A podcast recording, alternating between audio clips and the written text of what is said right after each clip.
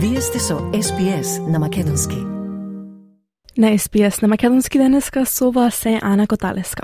Премиерот на Австралија ги зајакнува напорите да ја зацврсти позицијата на земјава во Индо-Пацификот со минато неделната посета на Индија, како и со мошне очекуваното сообштение за подморниците на нуклеарен погон кои се дел од договорот на ОКЕС. Но од Кина следуваат негативни реакции, со повици цитат да биде напуштен менталитетот на студената војна.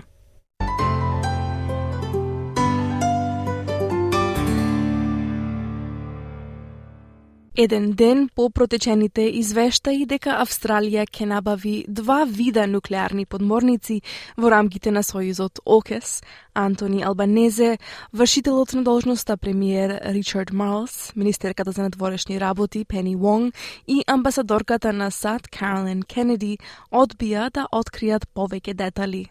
I'll be, I'll be making comments at the appropriate time. Well, uh, you need to just wait, hold the horses for a little bit. Um, there'll be an announcement next week. Look, we, we, we, you- we'll, we've got to try an actual announcement in just a few days, and all, all, all will be disclosed and revealed. But it's a very exciting time for Australia. Uh, I think the Prime Minister's going to speak to that, so I'll let him do that.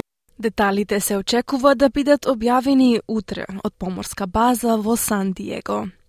Кина го осуди Сојузот ОКЕС, повикувајќи ги Австралија, Велика Британија и Соединетите Американски држави, цитат, да го напуштат менталитетот на студената војна.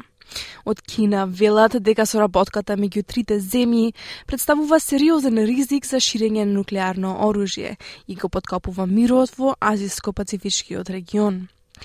Портпаролката на Кинеското Министерство за надворешни работи Мео Нинг вели дека некои земји од регионот како и меѓународната заедница имаат прашања за договорот или се спротиставуваат. In regard to this nuclear submarine cooperation between the United States, Britain, and Australia, China has repeatedly stated its solemn position.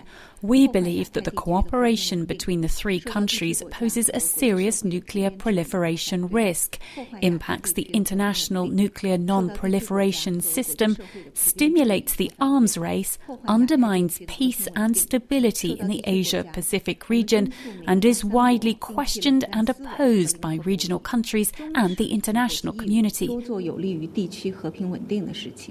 Говорејќи во Индија, премиерот Антони Албанезе ги отфрли тие наводи.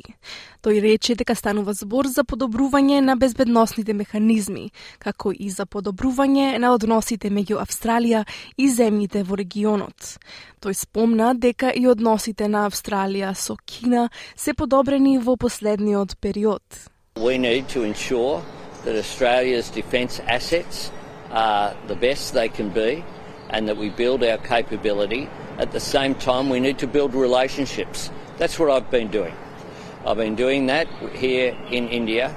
We're doing that throughout the Indo Pacific. Uh, we've done that as well, improved our relationship uh, with China in recent times as well. Иако лабористите и коалицијата обично не се согласуваат за повеќе политички прашања, договорот за подморниците на ОКЕС има двопартиска поддршка. Вршителот на должноста премиер и министер за одбрана Ричард Марлс изјави за Nine Network дека тоа е најголемиот чекор напред во воената способност на Австралија од крајот на Втората светска војна. Тој рече дека способни воени подморници служат како предупредување за странски влади. This, more than anything that we can do, will, will allow us in a pretty difficult world to look after ourselves. And uh, the whole uh, steps that we're taking here is about making sure that with our submarine capabilities, we are able to grow that, that it remains potent, uh, because there is nothing which gives um, any adversary uh, a second thought more than a capable submarine. Лидерот на опозицијата Питер Датен за Nine рече дека оваа одлука ќе обезбеди австралиската безбедност. Тој рече дека стекнувањето со подморници од класата Вирџинија е во најдобар интерес на земјава. adversaries would think twice about uh, causing harm to our country, knowing that we have this capability. And the Virginia class is an established class, so you don't have the problems of a first in type, the new design, cost blowouts, etc. Uh, so the acquisition of the Virginia class uh, is in our country's best interest. Почесниот вонреден професор на Академијата за одбранбени сили на Австралија, Уейн Рейнолдс, вели дека иако е важно да се зацврси способноста на Австралија на овој начин, тој не мисли дека тоа е итно. Тој вели дека овие се нападни подморници што можат да нападнат други подморници и бродови.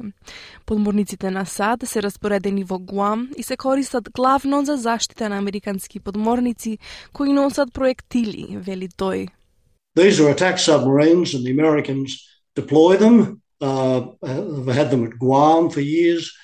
There has been talk since about 2012 on five Virginia class submarines based in Australia, which could then be deployed with the Royal Australian Navy into Southeast Asia.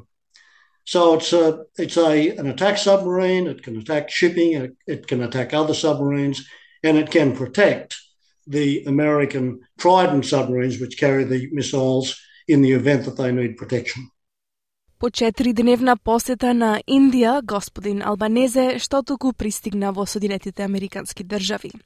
Целта на посетата на Индија беше да се зајакнат безбедносните и економските врски на Австралија. Премиерот ги спомна економските и културните врски меѓу двете земји и ја опиша Индија како пријател на Австралија. India is a friend of Australia.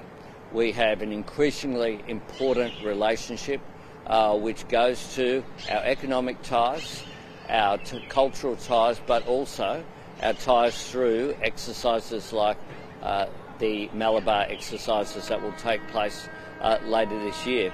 We also have, as part of uh, the announcements as well, we've had uh, the participation of Australian defence personnel here in India and exchange the other way around as well. India is an important democracy.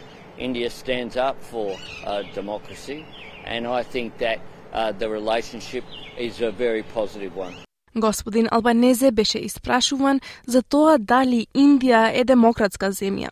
По извештаите дека канцелариите на BBC во Делхи и Мумбај беа претресени откако радиодифузерот објави документарен филм кој беше критички настроен кон премиерот Моди. Господин Албанезе рече дека Австралија се залага за слободата на печатот, но дека Индија била и продолжува да биде демократска држава. Australia, Australia stands up uh, for press freedom, but India is a great democracy, and to dismiss that is, I think, wrong. Uh, India has has been and continues to be a democratic nation.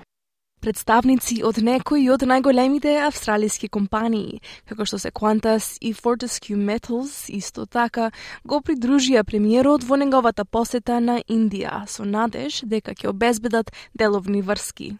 Господин Албанезе рече дека Австралија се надева дека ќе помогне на Индија да ги намали емисиите на јаглерод и да се фокусира на обновливите извори на енергија. Тоа доаѓа откако Индија постави амбициозни цели за 50% обновлива енергија и 30% користење на електрични возила до 2030 година. Премиерот Албанезе рече дека стратешката усогласеност на двете земји е посилна денес отколку кога било предходно. А тоа се подобрило и со посетата на Албанезе на Индија, а ќе се подобри и во иднина со присуството на премиерот на Индија на состанокот на лидерите на Квод. And there has never been a point in both of our countries' histories where we've had such a strong strategic alignment which has been reinforced by my current visit to India and will be reinforced further by Prime Minister Modi's attendance at the Quad Leaders meeting in a short period of time. Тоа беше премиерот на Австралија Антони Албанезе во прилогот на Хана Кон за SBS News. Наредниот состанок на квадрилатералниот безбедносен диалог, познат како QUAD, меѓу Австралија, Индија, Јапонија и САД, треба да се одржи во Сиднеј во средината на оваа година. Во меѓувреме, премиерот Антони Албанезе неодамна пристигна во САД, каде ќе им се придружи на председателот на САД, Џо Бајден, и премиерот на Обединетото кралство Риши Сунак, за утрешната најава на клучните детали околу австралиските подморници на нуклеарен погон за време на утринска прошетка покрај културниот градски музеј USS Midway со началникот на австралиската морнарица, господин Албанезе, разговараше за новиот проект, но одби да открие што точно ќе биде најавено. Сепак, тој рече, цитат, ова е нова зора во Сан Диего, а утре нова зора за одбранбената политика на Австралија.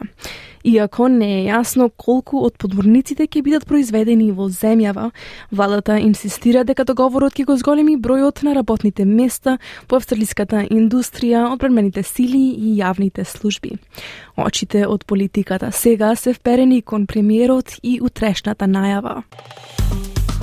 Стиснете, ми се допаѓа, споделете, коментирайте, Следете ја SPS на Македонски на Facebook.